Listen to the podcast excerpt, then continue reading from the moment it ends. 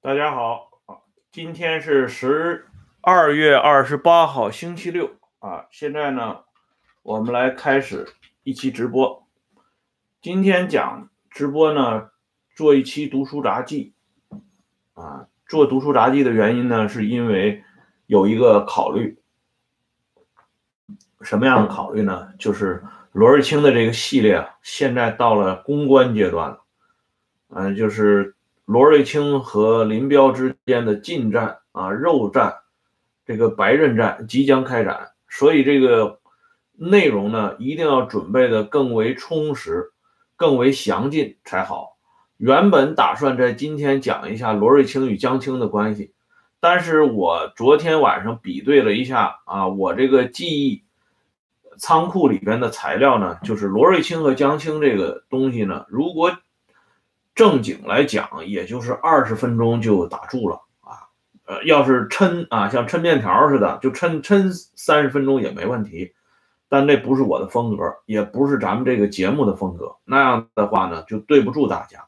因此呢，我今天准备重新啊整合一下这个材料，把这个材料呢搞得更漂亮一点，这样明天我们在讲起来的时候就会言之有物，言之有据。这样呢，临时今天咱们来讲一下这个老舍先生的《四世同堂》，因为正好这两天呢是年底放假的时候，利用放假的时间呢，我又把这一九八五年，啊，北京电视制作中心，当时叫北京电视制片厂吧，拍摄的根据老舍的原著改编的电视连续剧《四世同堂》，重新看一遍。这个呢是林汝为版本的，为什么这么说呢？因为是林汝为导演拍摄的，哎，老太太当时组织了一干啊强悍的这个班子搞的这么一个电视剧。后边呢，到了二零零九年，咱们汪俊汪大导演呢又排了一个升级版的《四世同堂》，嗯，那个。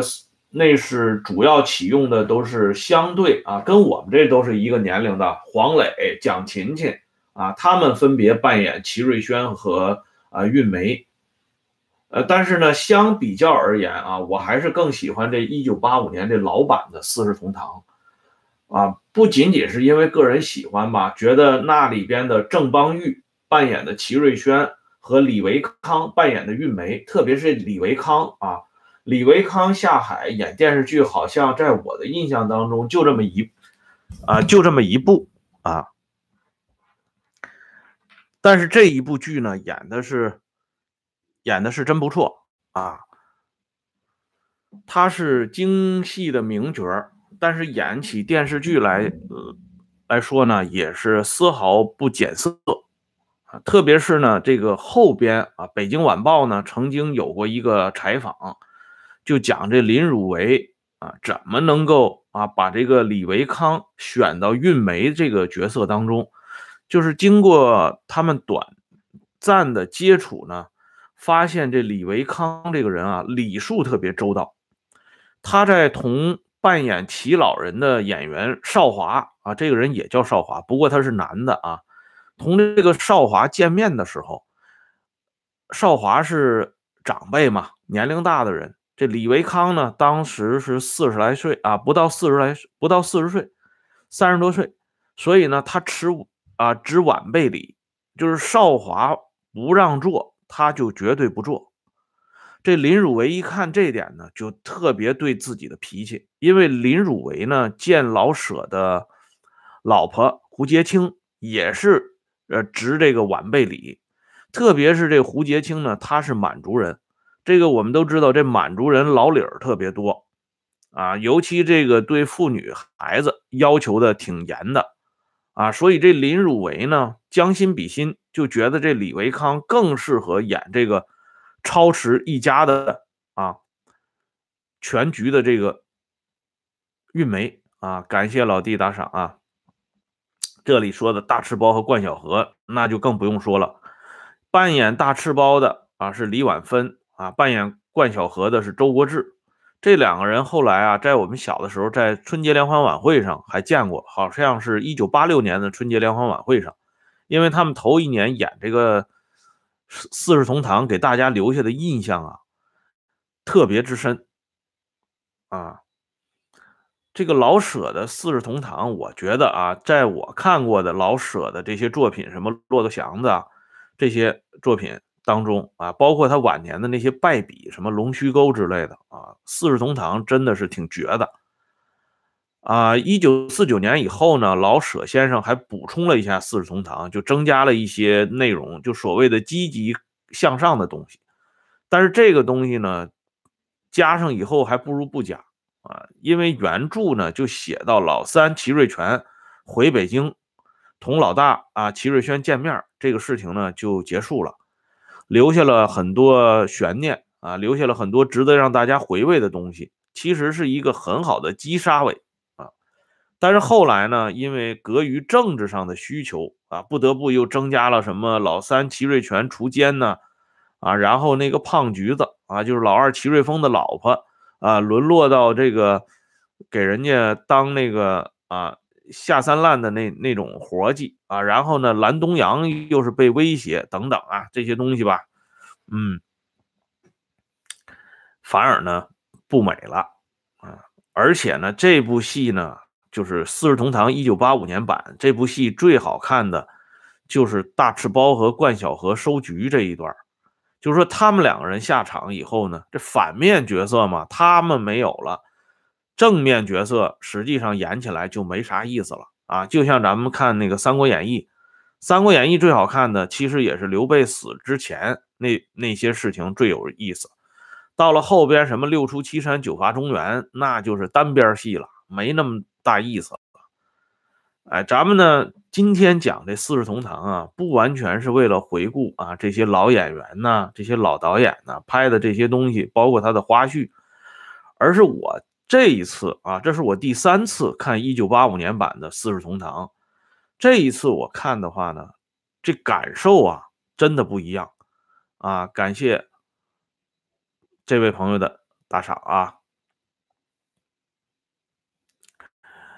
这回为什么不一样呢？因为我看了这个东西啊，真的有点恍如这个啊时空，用现在的话讲就是穿越了这个东西。为什么这么说呢？你看啊，这个电视剧里边啊演这么几段事情，让我们觉得特别有意思。一开始呢，这个日本人要打北平啊，卢沟桥事变已经发生了。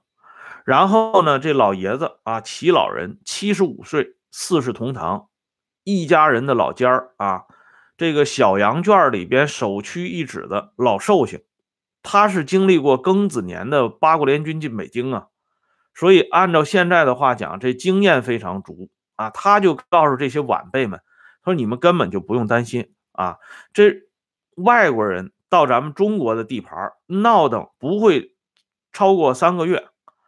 老爷子呢，还专门检查了一下这家里储储备的这个粮食啊，面呢、米呀，还有咸菜疙瘩都够不够啊？运梅就说：“您老就放心吧，我们都准备的非常足了，足够三个月、半年都没问题。”这老爷子一听到这里呢，就放心了啊，因为他的概念就是三个月啊，他是三个月，结果呢，实际上呃其实是不止三个月呀。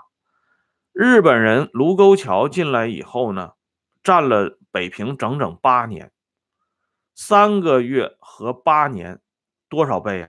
二十三倍还多呀，对吧？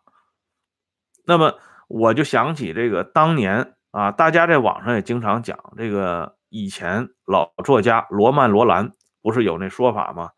他到那个前苏联转一圈，后来他提出个观点，说这个呃。布尔什维克，他不会熬过七十年，有一个六十九年的定律。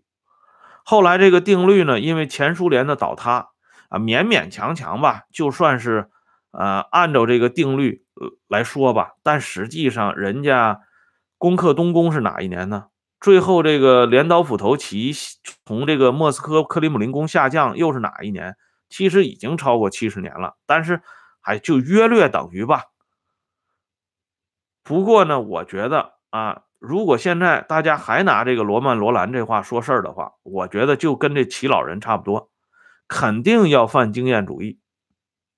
我在咱们中国的历史上，就有人曾经拿元朝的啊这个事情说例子，说胡运不过百年，啊，这个外虏入侵咱们大中华也不过就是一百年啊。元朝呢八十几年，如果加上这个博尔紫金、这个窝阔台他们那些包里归堆儿，也就是一百年出点头啊。所以呢，胡运不过百年这话呢，在当时是站得住脚的。可是接下来，公元一六四四年甲申之变，大清朝辫子兵入关。这清朝折腾了多少年？一六四四年入关到一九一二年退位，这是整整二百六十八年。如果加上他入关前的啊崇德元年那八年多，这已经超过明朝了。如果再把努尔哈赤的天命啊十一年，这十一年和天聪的九年再加在一起，这真的就是小三百年天下了。所以，人家清朝的遗老遗少说：“我大清深人厚泽，三百年主中天下。”这话也不是浪得虚名啊。所以前面讲胡运不过百年，结果后边大清来个三百年天下，可见呢，经验主义真的是靠不住的。因此呢，我们看到后边小羊小羊圈里的这些人啊，基本是死的死啊，逃的逃，逃的很少吧。主要是饿死的、被害死的、互相给给蹂躏致死的，反正都有了。由此呢，我们就想到另外一个话题啊，从这个小羊圈遭难的时候，我们就看到一个情景，就是当这些大的这个灾异啊来临之前呢，大家普遍还抱有一种啊非常乐观的态度。你看，啊，别人不说吧，就说这齐老人，他是经历过。啊，辛丑这个之乱的，那庚子全乱的时候，那北京城多遭罪啊！包括老舍他自己的亲生父亲，也都是死在那个年代里啊。而且呢，老舍老舍写这东西也可能是感同身受吧。包括他写那《正红旗下》，为什么有的朋友就说《正红旗下》要是完成了，不不逊色于这个《四世同堂》？哎，所以呢。有的朋友说你想看《四世同堂》，我认为啊，你就看一下一九八五年版的这电视剧就行。这小说呢非常好读，但我估计啊不一定能读下来。这是一九四九年以前写的作品，写的相当流畅。一九四九年以后，真的就看不到这么好看的小说了。哎，他这个大家呢面对这个日本人发动的卢沟桥事变里边，大家在议论的什么呢？议论说日本人为什么先从卢沟桥打起呢？啊，老爷子就说了，那就是看上了卢沟桥的那些狮子，啊，那些狮子日本人没有，啊，千姿百千姿百态，惟妙惟肖，所以呢，他们想把这些狮子运回日本去。当时这个儿媳妇啊，长孙媳妇运梅呢，还感到奇怪。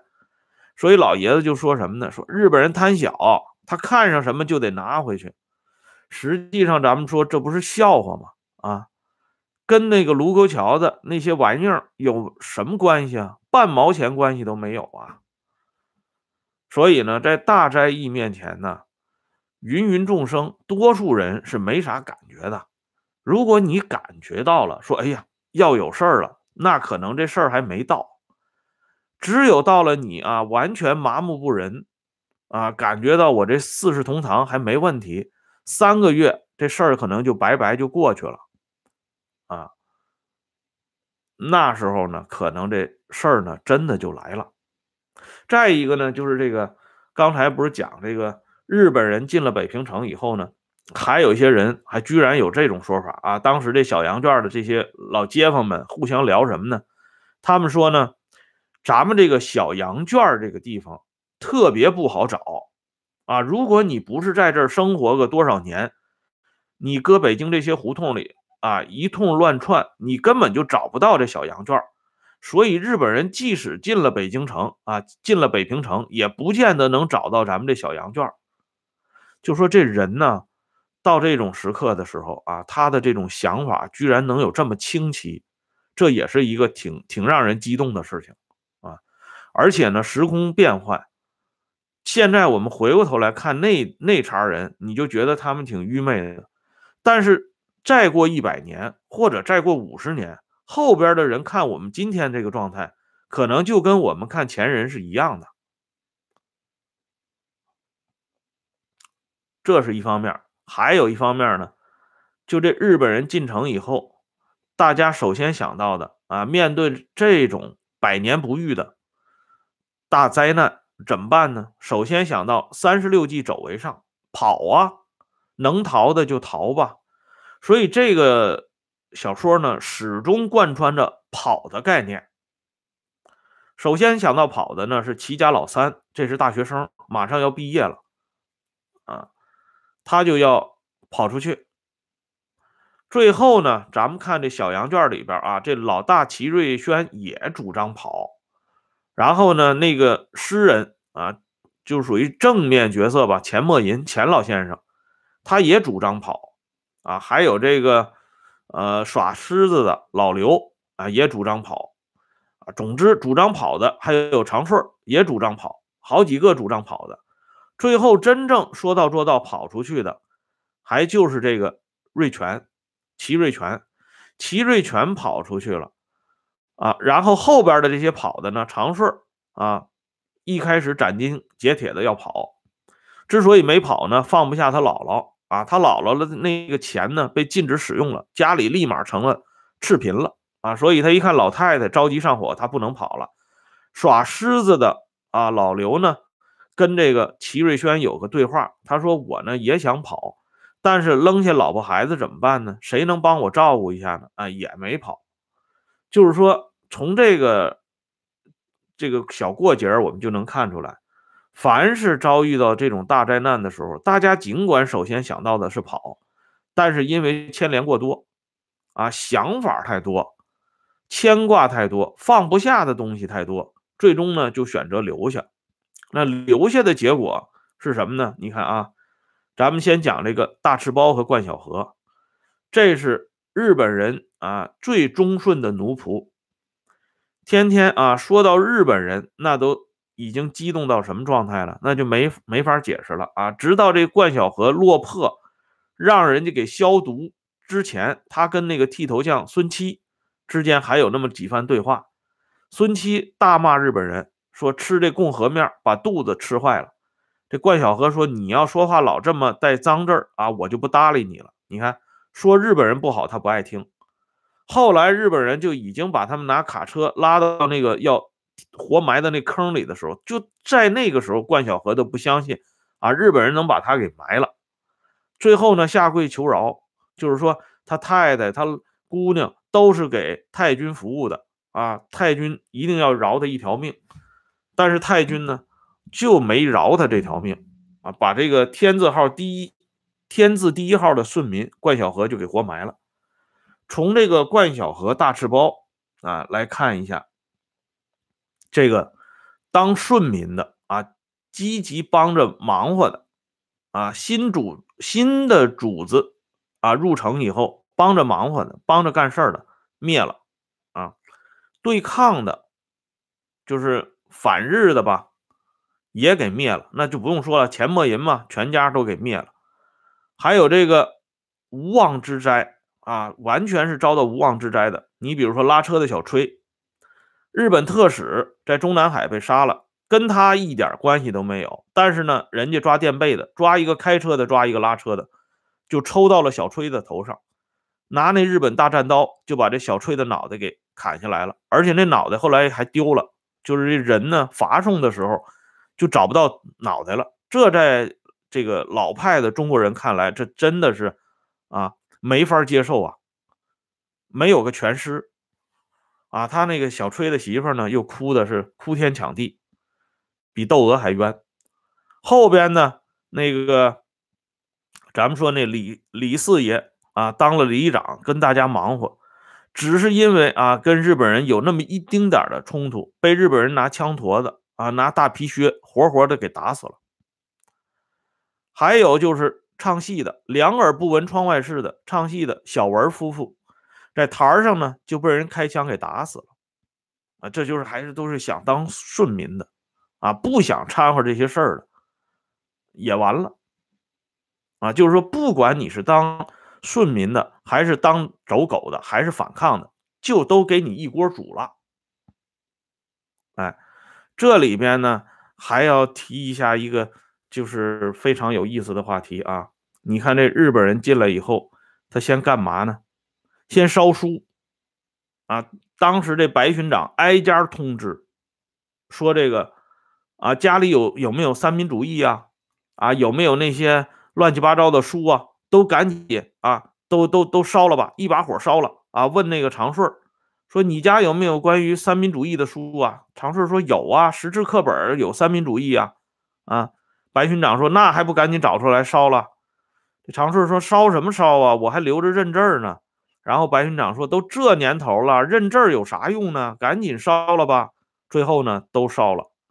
这日本人啊，占这中国就烧书啊，这这咱们也能理解啊。日本人要这个呃收拾咱们中国人嘛，他不让咱们中国人读书，灭国先灭史嘛，可以理解啊。站在日本人的角度。你讲他干这些坏事你你还觉得，哎，说得过去吧？啊，虽然是令人发指，那中国人啊，到了中国人地盘，干嘛也烧书呢？而且从公元前二百二十一年开始烧，一直烧到啊这个后后边不可描述的时代里边，这是为毛关系呢？这玩意儿不能往深了想啊。再有一点呢，我觉得也挺有意思的。啊，就比如说这个这里提到的这个诗人钱默吟，啊，诗人钱默吟的儿子长子钱仲实，拉着这卡车呢，把日本人给摔死，摔沟里去了，在沟里去了。这日本人呢都死了。冠晓荷告密，这钱家呢就被日本人给查抄了。这查抄钱家的时候呢，有个细节，我觉得特别有意思啊，就是说这日本人我们都知道啊。这这那个年代的日军是很凶狂的，很残暴的，啊！但是在这个《四世同堂》里面有两个细节让我挺感慨的。第一个呢，就是他们在查抄钱家的时候，居然呢，啊，没有把这钱家的孤儿寡妇们都抓起来，啊，就把这老头钱老先生给带走了。其实本来也没想带走这钱老先生，只是因为这钱老先生呢，跟这个日本人呃叫了一下板。啊，他抓住这日本人，这个准备跟日本人，呃，战斗一番，这把这日本人给惹火了，就把这钱老先生给弄进去了。弄进去以后呢，打一顿，关了一段时间，后来又给放出来了。这个事情啊，让我觉得真的有点百思不得其解啊。因为我们看那个《非凡的年代》啊，一九六六年文化大革命，实际上六六年文化大革命之前的反右斗争当中。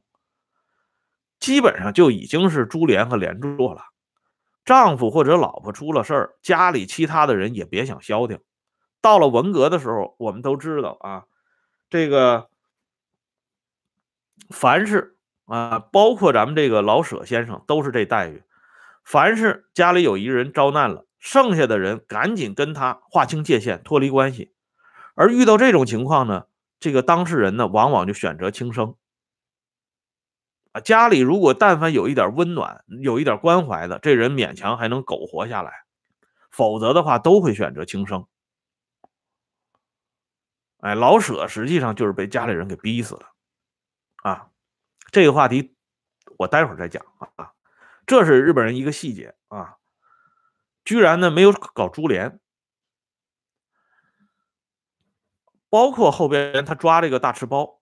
因为这个日本人看戏中间出了问题，把大赤包抓起来了，居然呢没有牵连到她的丈夫冠晓荷和她的两个女儿冠高地儿和冠招娣儿啊，这也是一个挺奇怪的事情啊。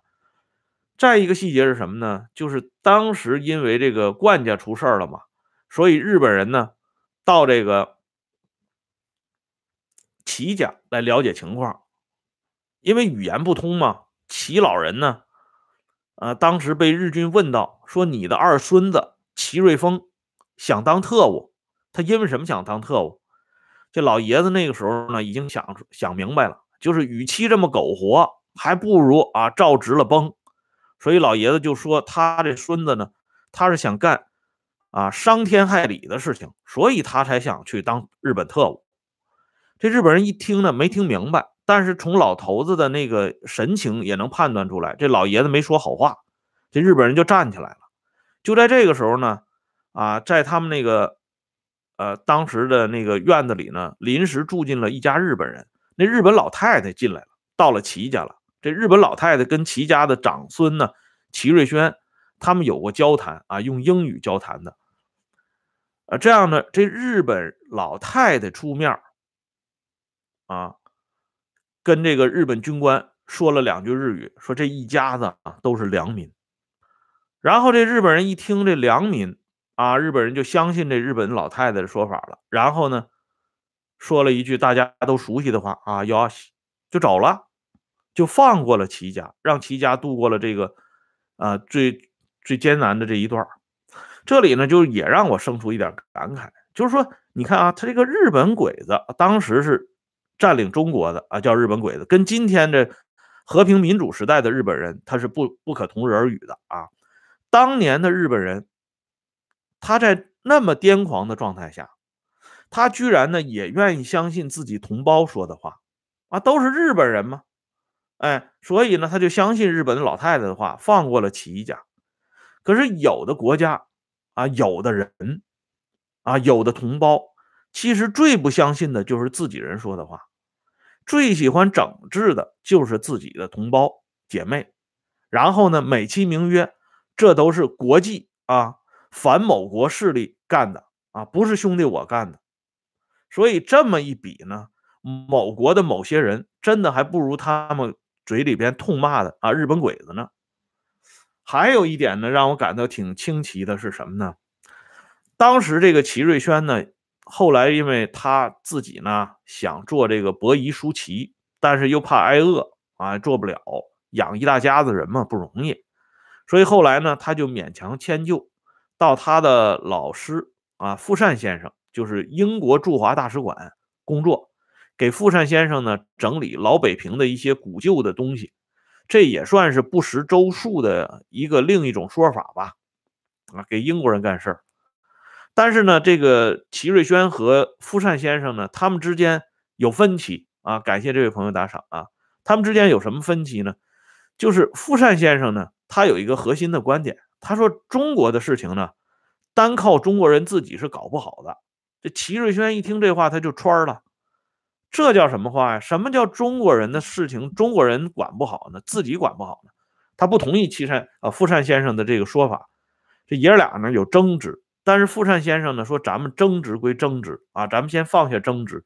你到我这儿上个班啊，帮我个忙。人家呢说的很委婉啊，其实是人家给他一口饭吃，要不一家子人都喝西北风去。但是呢，人说你帮我个忙，就这样呢，这个老英国。”老他们小说里叫英国府，剧里也叫英国府啊，这是北平人对英国大使馆的习惯称呼。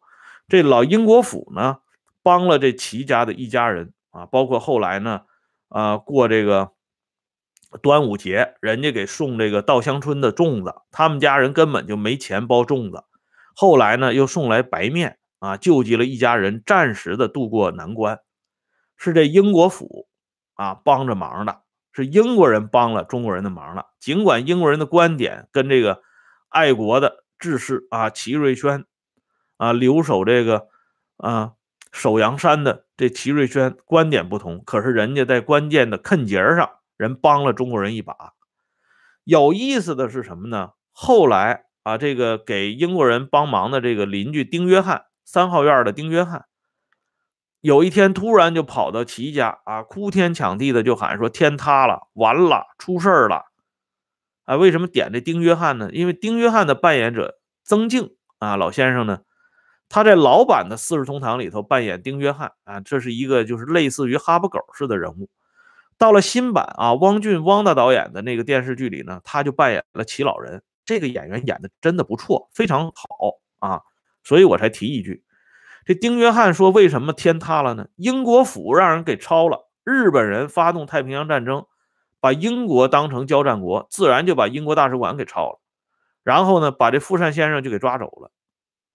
所以呢，我就想啊，凡是这个，你像这日本人，哎，这这日本人在四十年代初那也算是大国崛起吧，大东亚共荣啊，共荣圈啊，也要建立一个呃什么毛线的这个什么体之类的啊，哎，他首先开刀问斩的也是英国人啊，这东西呢，就是说有些事真的不能联想啊。二零一一年不是也发生过一个事情嘛？在咱们中国的山城啊，有那么一个英国人就被那小酱油壶就给啊送走了，然后呢，就引发了一系列的啊。事关历史转折的事件，所以看了这个四世同堂以后呢，我觉得似乎呢这个事情不是发生在一九三七年到一九三九年，而是发生在另外一个时代里啊。至于发生在什么样的时代里，我相信，我相信大家也会比较清楚。因此呢，在这里啊，反反正现在也要过过元旦了嘛，如果啊有可能的话，大家可以去重温一下这个电视剧。啊，真的很有意思。好了，今天呢，关于这个四世同堂的这个呃话题呢，就先说到这里。今天咱们讲两次直播啊，一会儿呢回来，咱们再讲一次这个年终盘点的事情。因为这马上就到年底了啊，所以呢，咱们聊一聊过去的这即将过去的二零一九年这些这个有意思的事情啊。好了，谢谢几位朋友的打赏啊，我们待会儿再见。